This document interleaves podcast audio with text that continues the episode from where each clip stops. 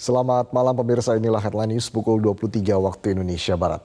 Calon Presiden nomor urut 1 Anies Baswedan mengatakan jika netralitas dalam pemilu 2024 ini perlu dibuktikan dan tidak cukup hanya dengan kata-kata saja. Anies pun berpesan kepada seluruh aparat negara bila ada atasan yang menyuruh untuk tidak netral, maka bicarakanlah ke publik karena itu akan mengkhianati sumpahnya sebagai aparat negara. Ini yang saya sampaikan dari awal ketika sebelum penetapan bahwa netralitas itu harus dibuktikan, tidak cukup dikatakan. Jadi seluruh aparat pemerintahan harus mentaati prinsip netralitas.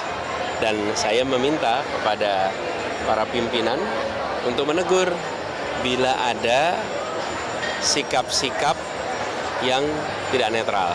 Tapi yang tidak kalah penting, anak buah juga kalau ketemu atasan yang ngasih perintah untuk tidak netral, bicaralah ke publik.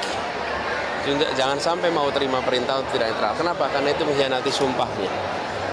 Jadi sumpah itu lebih tinggi daripada perintah atasan. Jelajahi cara baru mendapatkan informasi. Download Metro TV Extend sekarang.